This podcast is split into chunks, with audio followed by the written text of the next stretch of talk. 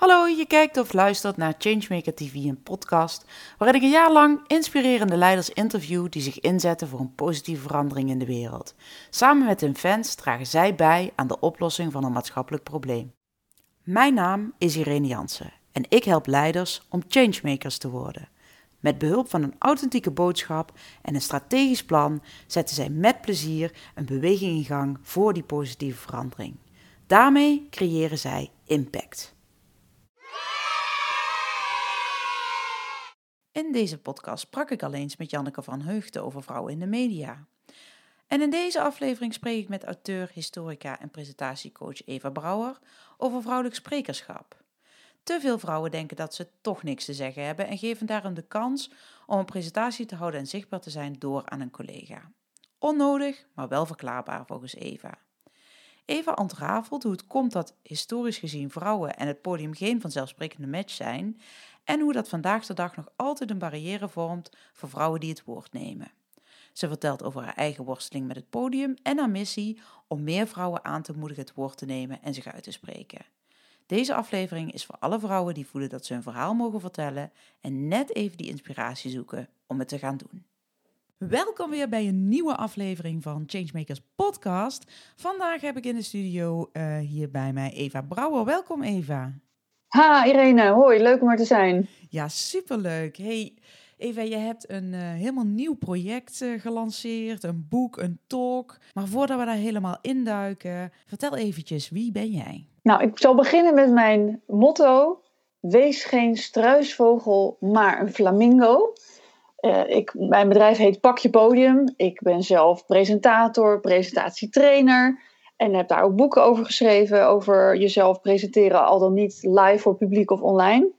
Dus ik moedig veelal bijvoorbeeld vrouwelijke ondernemers, of ook in mensen in het bedrijfsleven aan, om die flamingo te zijn. Om wel dat podium op te stappen. Maar diep van binnen zit er natuurlijk ook die struisvogel in mij. Dus het, het gaat ook om, om het spel, om die innerlijke struisvogel te kunnen temmen en dan die flamingo te vinden en te durven laten zien. Ja, precies. En, en uh, ja, jullie zien het niet, maar uh, Eva heeft dus ook een flamingo-roze shirt aangetrokken vandaag. Ja, toevallig wel, ja. ja. hey, en uh, je hebt nu inderdaad onlangs een nieuw boek geschreven en een talk gehouden, waarin eigenlijk alles samenkomt en ook ja, jouw missie helemaal helder wordt. kun je daar iets meer over vertellen? Ja, mijn boek heet In 10 stappen online presenteren. Geef je beste presentatie ooit voor live online publiek. En dat is eigenlijk van wat wij hier zitten doen. Wij nemen nu een podcast op, maar dat is natuurlijk ook een vorm van online presenteren. Zelfs een Zoom-vergadering voor je collega's, dat is online presenteren. Tot aan misschien wel in een professionele livestream studio, een talkshow eh, aan elkaar moeten praten of daar als gast te zijn. Maar de kern waar het uit voortkwam was natuurlijk coronatijd, toen we allemaal gedwongen zaten achter zo'n scherm zoals nu. Maar dat ik bespeurde bij veel mensen dat ze dat met zoveel niet eens frisse tegenzin deden, maar met ja, een beetje wantrouwen tegenover de camera, armen over elkaar en vooral maar hopen dat het snel weer overwaait en dat we elkaar weer gewoon in de ogen kunnen kijken. En terwijl ik zoiets had van, joh, laten we gewoon dit echt omarmen en gebruiken als een kans. Dit is gewoon een, nieuw, een nieuwe manier. We zitten in die zin nog in een transitiefase om op jezelf op een andere manier te presenteren. Bijvoorbeeld met die camera of met audio. En laten we daar wat meer open voor staan. En niet meteen zo kritisch. En, um, en dat hoop ik echt met mijn boek te bereiken. Dat, dat mensen dit echt gaan zien als een, een instrument wat je nu lekker in je gereedschapskist mag stoppen om jezelf te laten horen en te zien als de expert die je bent. Ja, precies. In jouw verhaal heb je het dan ook verhaal over vrouwen en dat is niet van niks, toch? Klopt. Ik ben zelf begonnen als uh, presentator bij televisie. Ik was tien jaar lang uh, nieuwslezer bij RTV Utrecht, de regionale omroep van Utrecht. En tegelijkertijd ook dagvoorzitter, presentator van zakelijke evenementen voor uiteenlopende events over, weet ik veel, pijpleidingen, orgaandonatie, you name it. En wat viel mij op?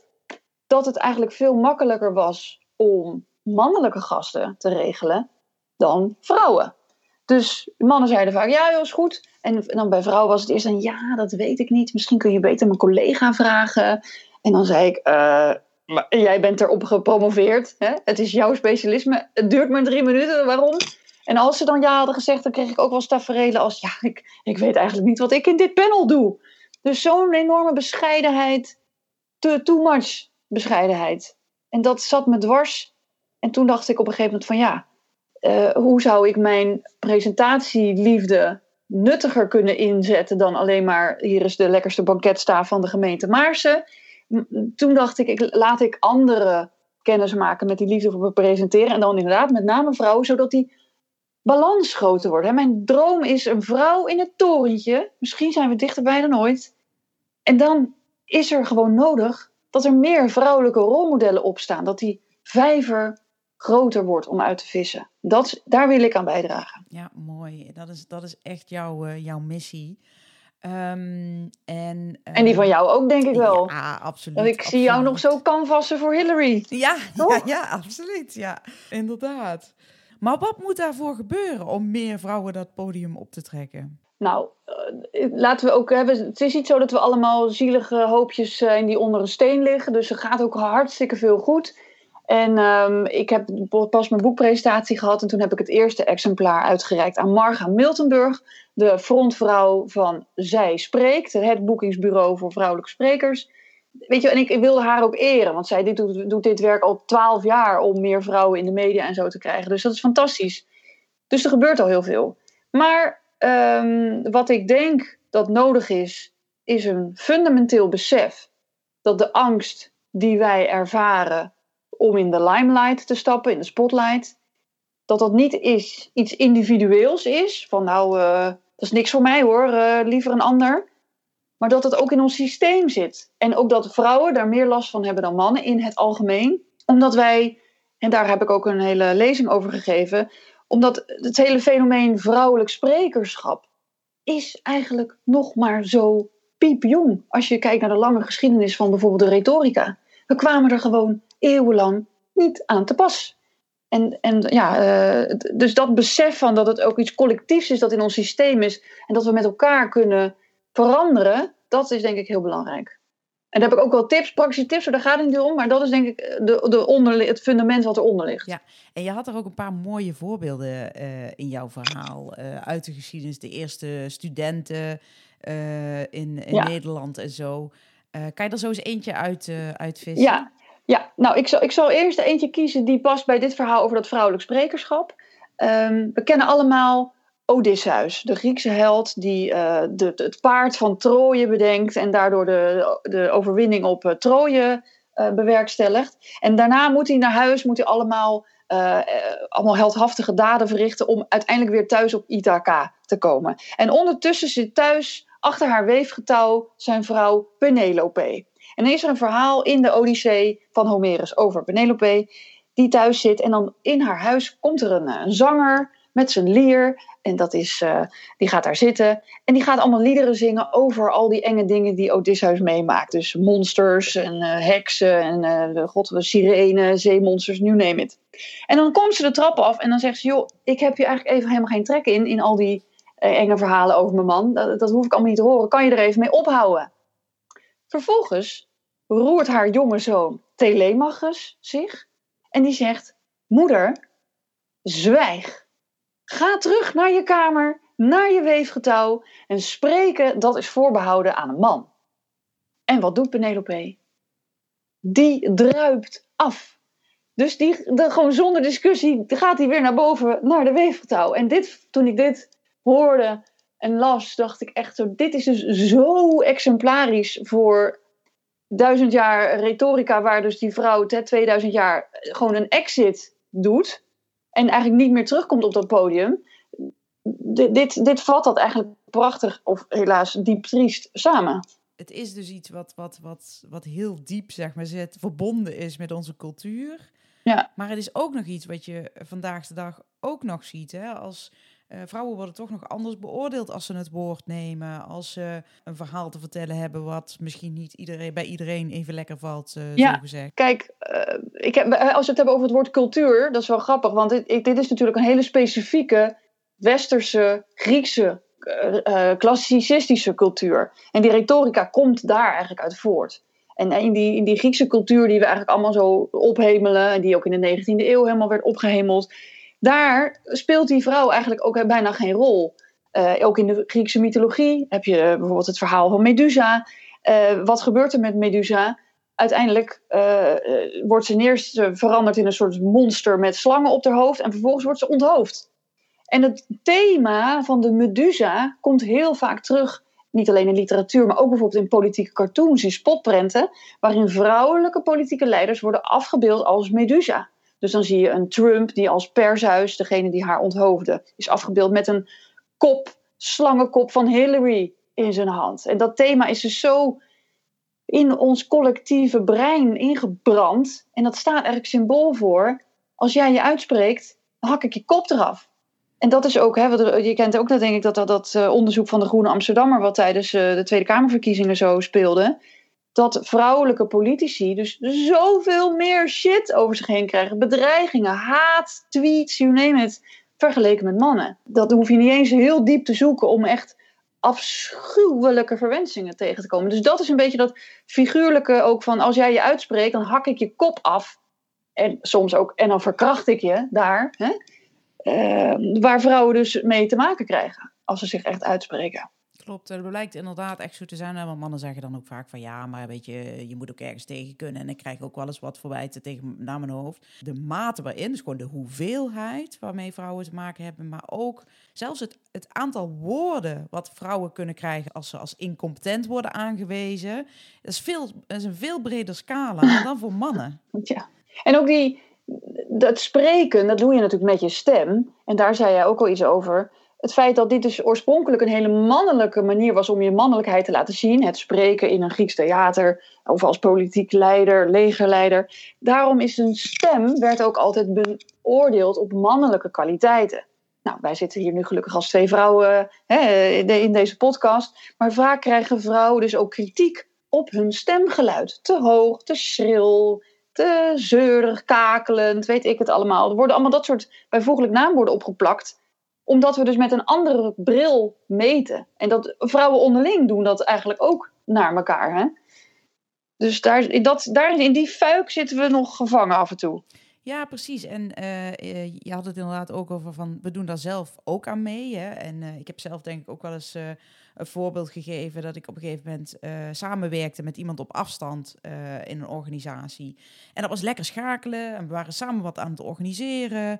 En uh, nou, ging helemaal goed. En daar had ik niet, daar was ik meer, wel mee aan het bellen, niet meer aan het, of misschien ook wel eens mee aan het videobellen. Maar goed, wat zie je dan van de mensen? Ik kwam binnen, dus we hadden samen een event georganiseerd. Ik kwam binnen en zij was hoogzwanger. Echt, weet je, een tonnetje rond zwanger.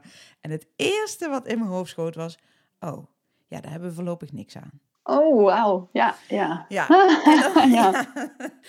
en dat zijn dan van die stomme dingen uh, uh, die dus ook in ons zitten. En dan ben ik dus daar heel bewust mee bezig. Uh, dus ik realiseerde me dat ook. Ik ging meteen denken van, ja, hoe kan ik dat nou zitten denken? Weet je wel, dat soort dingen. Um, maar dat is ook wat jij zegt, van ja, je lost niks structureels op door, door eraan mee te doen. Dus je, dus, dus je moet er ook een soort van bewust worden. Nou, je had zelf een voorbeeld. Ja, um... nou ja, ja, sorry. Ik vind niet, wil in ieder geval jezelf ook. Ik wil jou even complimenteren dat je dit ook eerlijk durft te zeggen. Want dat draagt er natuurlijk ook aan bij dat we er bewuster van worden. Maar mijn voorbeeld, sorry? Ja, je, je hebt ook zo'n mooi voorbeeld dat je zegt dat je, dat je dus in dat spel van. Ja, hoe, hoe presenteer ik mezelf? Wat laat ik van mezelf zien? Hoe zie ik mezelf? Dat je ook op een gegeven moment zei tussen jouw collega's van ja, maar ik ben one of the guys, zeg maar. Dat klopt. Dus het is een techniek. En dan zie je bijvoorbeeld bij eh, Queen Elizabeth, de, degene uit de Renaissance, de eerste, dat die dan zegt: uh, uh, I know I have but the body of a weak and feeble woman, but I have the heart and stomach of a king, and the king of England too. Dus wat ze daar doet, is ze zegt: Ja, ik zie er dan wel uit als een heel frelle vrouwtje, maar eigenlijk van binnen ben ik een hele stoere koning. Dus een techniek om ons als vrouw te manifesteren is om te doen van... Ik ben eigenlijk geen vrouw, ik ben een vermomde man. Haha. En dat, dat herkende ik dus van mezelf, dat ik op de redactie uh, van RTV Utrecht rondliep en mij heel erg voelde als one of the guys. Terwijl dat misschien niet eens helemaal wederzijds was, maar ik herkende me in hun humor, een beetje die harde humor onderling. En ook heb ik mezelf als betrapt op uitspraken als ja, maar ik was niet echt een meisje, meisje, of ik ben geen moeder, moeder whatever that may be. En later dacht ik bij mezelf, wat ben je, wat ben je nou mee bezig? Wat is dit nou? Jezelf dus proberen te onttrekken aan de andere vrouwen om jezelf een soort status te geven. Dus dat, dat duurde dus ook heel lang voordat het kwartje viel dat ik dat deed, onbewust. Ja, dat, dat, dat soort fratsen halen wij. En, ik, en ik, om even ook de hand in eigen boezem te steken, ook als dagvoorzitter uh, heb ik mezelf wel eens op betrapt. Dat ik dan zei: Oké, en hier staat uh, professor De Bruin. Professor, wat vindt u ervan? En dan had je een collega. En dan zei ik: En Marieke, wat vind jij? Dat was dan ook een wetenschapper. Maar dan ging ik haar bij de voornaam noemen. Dus zo werd ik, was ik dus ook gebrainwashed. Hè, dat ik die man helemaal als autoriteit ging neerzetten. En haar: Hé hey Marieke. Dus snap je? Dat zijn ook van die gekke dingen. Ja, wat, wat, moet er dan gebeuren? Moeten we ons dat bewust worden? Moeten we daar anders mee omgaan? We mogen dus eigenlijk niet meer zeggen: ik ben niet zo'n moeder-moeder. Dat heb ik mezelf laatst nog horen zeggen. Oh, dat heb jij ook wel eens. Ja, nou ja, wat, wat bedoelde je er toen mee? Wat, wat, wat, wat wilde je mee zeggen? Nou ja, degene tegen wie ik het zei, zei ook meteen van, nou, dat is ook maar een verhaal. Of is dat eigenlijk wel zo? Nou ja, het, idee van, ik ben niet zo'n, uh, ik ben niet zo'n uh, snotte, sne, snotneuzen, billenpoetsen, dat soort moeder, zeg maar. maar. Terwijl jij toch ongetwijfeld heel wat snotneuzen ooit hebt moeten op, op, afvegen, of niet? Ja hoor, en ik denk, ook, ik denk ook naar volle tevredenheid. Ja, nou, ja je, hebt, je hebt gelijk, het is inderdaad een verhaal. Dus het zit in ons systeem om ons dus zo te positioneren, denk ik. Zeker als we misschien denken van, oh, het moet heel serieus genomen worden. Uh, wat kunnen we eraan doen? Ja, het feit dat wij dit gewoon zo lekker fijn met elkaar bespreken, vind ik al heel verhelderend. Want dan zie je ook van dat je niet de enige bent die dat soort dingen doet. En het helpt gewoon. Ook al heb je dan in eerste instantie wel dat gevoel van, oh, nou, die is zo zwanger, daar hebben we even niks aan. Dat, dat is oké. En dan kunnen we daarna alsnog weer er even op reflecteren van... hé, hey, wat denk ik nou eigenlijk? En ik, volgens mij kun je ook weer andere patronen dan aannemen. En hè, kan dat ook weer op een nieuwe manier insluiten. Het blijft natuurlijk een beetje balanceren. Zeker ook, hè. ik heb ook wel eens uh, gesprekken over uitgenodigd worden voor interviews op, uh, op tv uh, en in het nieuws. Het format is, hè, wat je, je hebt het over de retorica. Het format is vaak het debat, de discussie. Dus hè, er is iemand en die heeft een stelling en iemand anders dan zegt er, ja, goed. En het idee is, als je maar scherp genoeg op die stelling zit, op een gegeven moment kom je dan tot elkaar. Maar het heeft ook een soort hoog vechtgehalte, noem ik het dan maar eventjes. Hè? Een hoop uh, scherpst op de snede. En uh, als je echt nader tot elkaar uh, wil komen, dan is misschien, zijn misschien andere vormen, zoals het dialoog, wel vele um, betere vormen. Maar ja, dus wat moet er gebeuren? Moet de vorm anders worden? Moeten we toch, toch dan maar iets meer gaan doen wat de vorm is of was? Nou ja, dit is natuurlijk wel een heel. Kijk, zo echt een debat, dat zie je vooral in, inderdaad in politieke sferen. Anders is het misschien meer een interview, waar je ook natuurlijk soms wel eens kranig moet weren. Maar ik denk dat bijvoorbeeld het gebruik van storytelling je al heel erg kan helpen. Om ook binnen een debat, ook al is het er natuurlijk wel de bedoeling dat je je opponent. Uh, uh, dat je, of in ieder geval, laat, ik het zo zeggen, dat je zelf een beetje fris en fruitig uit de strijd komt. Maar dat je op die manier wel een heel menselijke en empathische kant van jezelf kan laten zien. En op die manier kan overtuigen, meer dan op kracht of feiten alleen. Ik denk dat dat een hele help, nuttige techniek is om dan toe te passen. Dus dan is het eigenlijk wel, doe mee met, uh, met de format die er is. En, en zorg dan dat je iets anders daarin kan belichten. Ja, daar hebben we dan op dat moment mee te dealen. En dat is dan komen wij er inderdaad wat bekaider vanaf, omdat uh, wij dan te maken hebben met dit soort vooroordelen. Maar er zijn ook heel veel andere manieren. Ik bedoel, Sigrid Kaag heeft debatten moeten doen, maar ze stond ook misschien allerlei vrouwenbladen. En uh, ze zat met Gordon in een of andere talkshow, spelshow, weet je. Dus ze heeft ook andere manieren gehad om zichzelf over het voetlicht te brengen. Uh, en dat deed zij in ieder geval voortreffelijk. Dat, hè, zij, kon, zij wist zich wel. En dan wou ik bijna zeggen, zij wist haar mannetje wel te staan. Hoera! Jij zegt, meer vrouwen mogen eigenlijk dat, dat podium op ja, wie, wie, wie zijn dan eigenlijk degene in jouw community? Wie zijn jouw fans, weet je wel, die, uh, ja, die daar ook helemaal blij van worden als, uh, nou ja, als jij dit verhaal vertelt? Kijk, ik, ik werk veel met vrouwelijke ondernemers. En die voelen natuurlijk echt een intrinsieke noodzaak om toch dat podium te pakken. Ook al hebben ze misschien de liefde daarvoor een beetje verloren. Ik werk ook wel eens met mensen die bijvoorbeeld een pestverleden hebben. Nou, dat is natuurlijk ook vrij dramatisch als je dat hebt meegemaakt. Dat je als kind heel pleziervol, heel enthousiast, zo spontaan in het leven staat en dat dat eigenlijk kapot wordt gemaakt. En dat je daardoor dus die bravoure verliest, die je wel in je hebt zitten. Ehm, maar ik, heb, ik werk dus met, veel met vrouwen die voelen: hey, het is voor mij nuttig om mezelf te presenteren. Dat zijn dus vrouwelijke ondernemers, maar ook bijvoorbeeld Uh, vrouwen die voelen van hey, het is zinvol als ik ook al zit ik in een in loop, uh, heb ik een carrière in loondienst, loont het voor mij om mezelf uit te spreken als expert, ook om promotie te maken of, of, om meer senior te worden. Dus dan is er al het gevoel van ja, ik moet dat gaan doen, ook al vind ik het spannend of weet ik niet precies waar ik moet beginnen, of hoe maak ik dan die verhalen, heb ik wel een verhaal ja, um, dat is natuurlijk een heel verschil om mee te werken. Als je, als je in plaats van iemand die denkt, nou uh, nee hoor, mijn Porsche maar fikkie. Dus, dus dat, dat is natuurlijk voor mij heel fijn om te kiezen, om te werken met vrouwen die het heus wel spannend vinden. En niet per se altijd makkelijk, maar wel gemotiveerd zijn en ambitieus om het te doen. Ja, hoe pakken zij dat dan, dat podium? Social media is voor ondernemers best een heel, is natuurlijk heel interessant om te doen.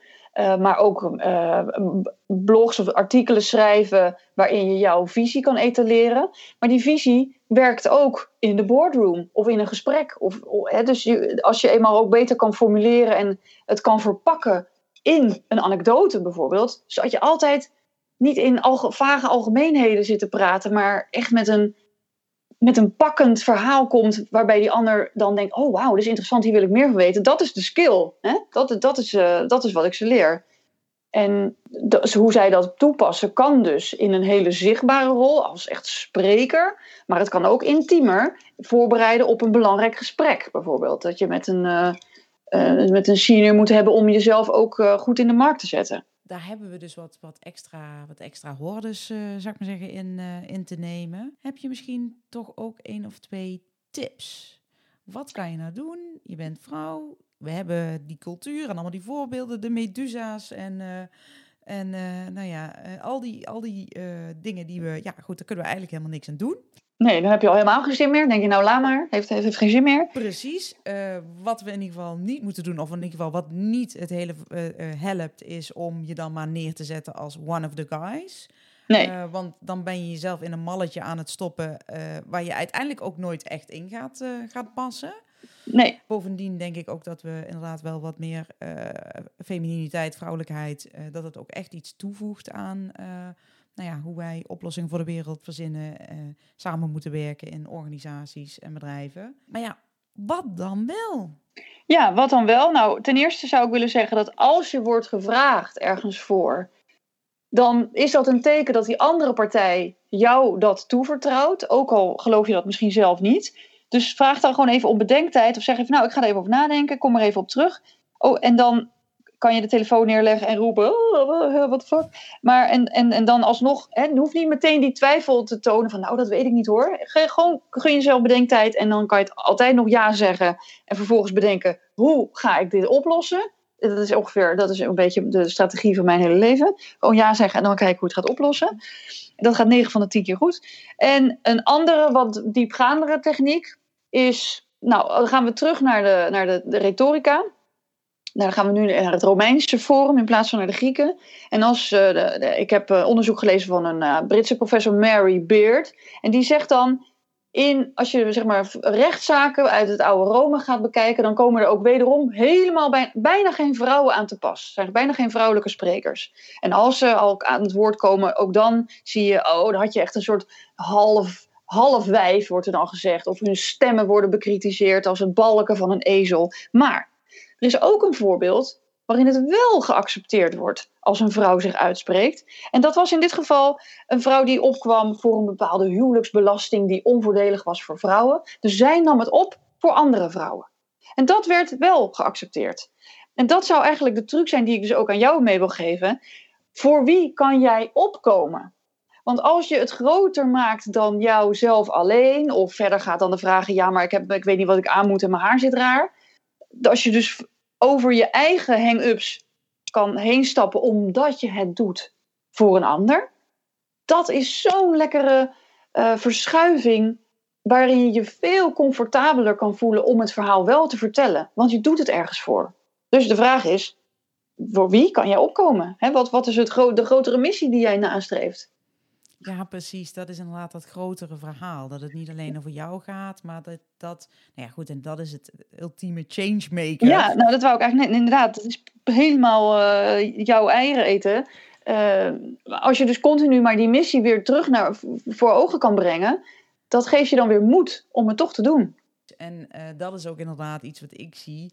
En uh, we hadden het er net ook al even over, dat uh, even in het voorgesprekje, dat jij dat je het soms zelf ook niet ziet. Hè? Dat dus bijvoorbeeld nu Ja. in jouw verhalen komen zo mooi samen. Jouw presentatieervaring, eh, jouw kennis uit de geschiedenis. ehm, en het feit dat je gewoon eh, wel al bezig bent, natuurlijk, hè, dat is ook niet per ongeluk, met vrouwen helpen om op het podium eh, te staan. Ehm, en ineens wordt het verhaal dan helder en is het ja, groter dan jezelf inderdaad. Ja. En ben je echt met die missie, hè, met, die, met die change ehm, bezig. En eh, ik herken dat ook wel inderdaad van, eh, van mijn klanten. Eh, het wordt dan ook veel makkelijker om dingen te doen. Zowel op het podium gaan staan, hè, als, als die social post schrijven, als die presentatie geven. Omdat je echt die, ja, die grote missie in woorden kan, kan hè, helder in woorden hebt. Maar hem ook voelt. Ik denk dat dat vaak ook samengaat. Hè? Dat, je echt, ja, dat, je hem, ja, dat je hem echt voelt. Van, oh ja, dit is mijn ding. Ja. Dit is mijn verhaal. Nu gaat het niet meer alleen over mij. Dit, ja. Precies, en dat voelen, dat komt ook wel doordat je er een verhaal van maakt. En dan gaat een ander meevoelen met jou. Dus dat is dan ook empathie eh, letterlijk. Eh, als je een verhaal vertelt met emotie, dan, dan gaan in de hersenen van jouw toehoorders gaan eigenlijk dezelfde emotionele patronen zich afspelen. Dat gaat zich spiegelen. Dus dan krijg je, krijgt die ander veel meer begrip voor dat wat jij vertelt. Dus dat is ten eerste lekkerder om te vertellen. En ten tweede komt het dus veel beter aan bij de toehoorder. En heb jij dat dan ook? Heb jij nu ook voor jezelf zoiets dat het voor jou makkelijker wordt? Of, of dat je meer voelt van, oh ja, dit is, dit is het grotere verhaal? Ja, kijk, als je, kijk ik heb bijvoorbeeld ooit. ehm, ik begon als presentatietrainer. Toen werkte ik nog bij eh, RTV Utrecht. En dat ja, vond ik ook wel spannend. Met name voor mijn collega's toen. Want eh, gek genoeg eh, vind je het dan het meest spannend voor hen. Dat ik dacht van ja, wa- wat zullen ze ervoor vinden? En ik vraag er natuurlijk ook geld voor. Wat, ze gaan ze op mijn site kijken en wat zien ze dan? Maar wat er echt dieper meespeelde, was dat ik zelf ooit bij eh, de omroep was begonnen. En toen live op zender een blackout kreeg. Dus ik ging helemaal nat op live televisie. Ik ben ook van de buis gehaald. Met als echt tot dieptepunt dat ik de autocue mocht draaien voor mijn opvolgster. Dus ik was uit de studio gehaald met eh, mijn haar in de krul, make-up, een spotlight. En ik zat dus in een geaircode bunker met allemaal jongens met petjes. S'avonds huilen, kansen gehad en eh, vergooid. En dat ik, die dus eigenlijk ooit zo nat was gegaan... en mijn collega's wisten dat natuurlijk... dat ik dan degene zou zijn die anderen moest vertellen hoe het moest. Hoe je moet presenteren. En toen heb ik voor het eerst dat verhaal verteld. Heb ik het gebruikt als juist mijn over mij verhaal. Over dit, eigenlijk dit dramatische moment in mijn professionele carrière. En toen ging het juist voor me werken. Toen ging de schaamte ervan af en kon het juist iets zijn wat heel helend was. Niet alleen voor mij, maar ook voor anderen. Van, oh, maar als zij dat heeft meegemaakt, dan, dan kan ik het ook wel. Dus als dan eenmaal die dam, die sluis is doorbroken van dat ene verhaal... wat je best wel dwars zit dan is het daarna ook veel makkelijker. En je schaamte is weg. En dat zou misschien ook dan tip 2 zijn. Dus het eerste was opkomen voor een ander. Het tweede zou zijn, dat is natuurlijk de kracht van kwetsbaarheid, die we kennen ook van Brene Brown. Wat is eigenlijk iets waar je je voor schaamt? Want het zou zomaar kunnen dat daar juist het goud zit. Ja, the man in the arena, inderdaad. Ja, Ja, in dit geval de woman in the arena. ja mooi. Heb je nog zo'n tip voor ons, eh, Eva? Nou, in mijn, eh, in mijn lezing heb ik, oh, heb ik het ook over een techniek om jezelf zelfverzekerd te voelen zonder arrogant te zijn. Mhm. En ehm, dus gewoon lekker in je vel zitten. En dat, dat, dat is ook best wel lastig. Want dit werk, het presenteren, dat, dat, dat vraagt om zelfvertrouwen. Op een moment dat je soms echt juist het meest zenuwachtig bent van je leven. Dus dat is een heel duaal proces eigenlijk. Daarom is het ook zo eng en moeilijk. Dus ik leer mensen niet om te presenteren zonder zenuwen. Wat eigenlijk de ideale wens is van mensen. Hoe kan, hoe kan jij dit rotgevoel bij mij wegnemen? Maar wat ik je leer, is gewoon heel goed presenteren. Ondanks die rotgevoelens. Dus ik wil, eh, ik wil een begrip introduceren dat heet happy high status. En een voorbeeldje daarvan. Stel jezelf even voor, premier Rutte, in betere tijden, eh, komt het eh, Tweede Kamergebouw binnen. En bij de poortjes laat hij zijn kopje koffie vallen. Nou, grote grijns. Hij uh, pakt een mop van een, dicht, van schoonmaker die toevallig daar staat. Hij gaat het zelf opdwijlen tot hilariteit van de schoonmakers en de mensen die in de buurt zijn. En uh, zonder blik of blozen, met diezelfde grote grijns die we van hem kennen, loopt hij vervolgens weer verder. Dus niets heeft hij afgedaan aan zijn waardigheid. Hij is nog steeds die staatsman, ondanks dat hij net met een dweil heeft gestaan. En dat is een, iets heel knaps. In heel veel culturen zou dat niet zo gebeuren, omdat mensen zich dan schamen, et cetera. Dit is happy high status, dat je jezelf dus uh, in elke situatie met vrolijke waardigheid weet staande te houden. En, dus daar, en, en ik, ik zeg dus eigenlijk tegen je, uh, een, prachtig voorbeeld is bijvoorbeeld Maxima die aan het koekhappen is. Hè. Als zij in een Natal-outfit kan koekhappen en nog steeds haar waardigheid behoudt, hoe zou jij dat dan kunnen doen? Jezelf met een grote grijns niet al te serieus nemen en er vol voor gaan. Want als jij je bescheten voelt, dan merkt de ander het ook. Happy high status. Happy high status, ja. ja. Ik heb het uit een boek van uh, Viv Roskop, een Britse, Britse presentatietrainer. En het, is een begrip ook uit het improvisatietheater, hm? happy high status. Ja. Hey, nou heb jij ons een paar hele mooie tips uh, gegeven. En uh, mijn afsluitende vraag is altijd... Ja, en, en ik, ik begon er al mee te zeggen, Eva, dat jij... Je bent iemand die je bent het gewoon aan het doen. En nu heb je dat verhaal ook helder. Het gaat er eigenlijk om dat we niet gewend zijn een vrouw op een podium te zien. Je helpt vrouwen om uh, uh, dat verhaal helder te krijgen, om het te doen. Je verbindt het inderdaad aan, aan alle kennis die je hebt over de geschiedenis. Nou, en ineens wordt jouw missie zichtbaar. Maar wat maakt dat jij zelf zo succesvol bent daarin? Ja, ik ben eigenlijk vanaf dag één, toen, toen ik zeg maar voor mezelf ging werken als ondernemer, heb ik eigenlijk vanaf dag één mezelf laten zien en ben ik eh, tips gaan delen en mijn kennis gaan delen.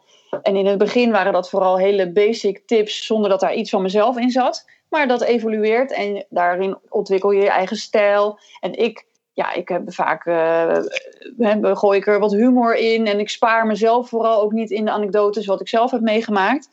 En, maar het feit dat ik die, die, die zichtbaarheid heb gepakt. Kijk, ik pretendeer echt niet dat ik nou de, de beste presentatietrainer van Nederland ben. Maar ik ik heb gewoon me nooit ingehouden op het gebied van, van kennisdeling. En hè, ze zeggen ook wel, uh, als, je, als je wil gaan, uh, gaan leren, ga lesgeven of zo. Hè? Want dan loop je altijd een, stapje voor op de rest. Dus ja, wat is met succes? Ja, uiteindelijk is het toch keer op keer presenteren, is een berg beklimmen. Keer op keer moet je die uitdaging aangaan met jezelf. Ik heb dus net mijn nieuw boek geschreven. En toen heb ik van tevoren gezegd, ik wil graag dat het op nummer 1 komt van managementboek.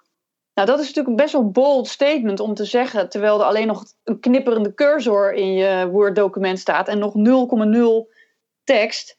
En toen heb ik dus een testlezerscommunity gemaakt met 275 mensen. Ik ben hoofdstuk voor hoofdstuk elke week eentje gaan delen. Ik heb ook mijn kwetsbaarheden gedeeld als het niet goed ging.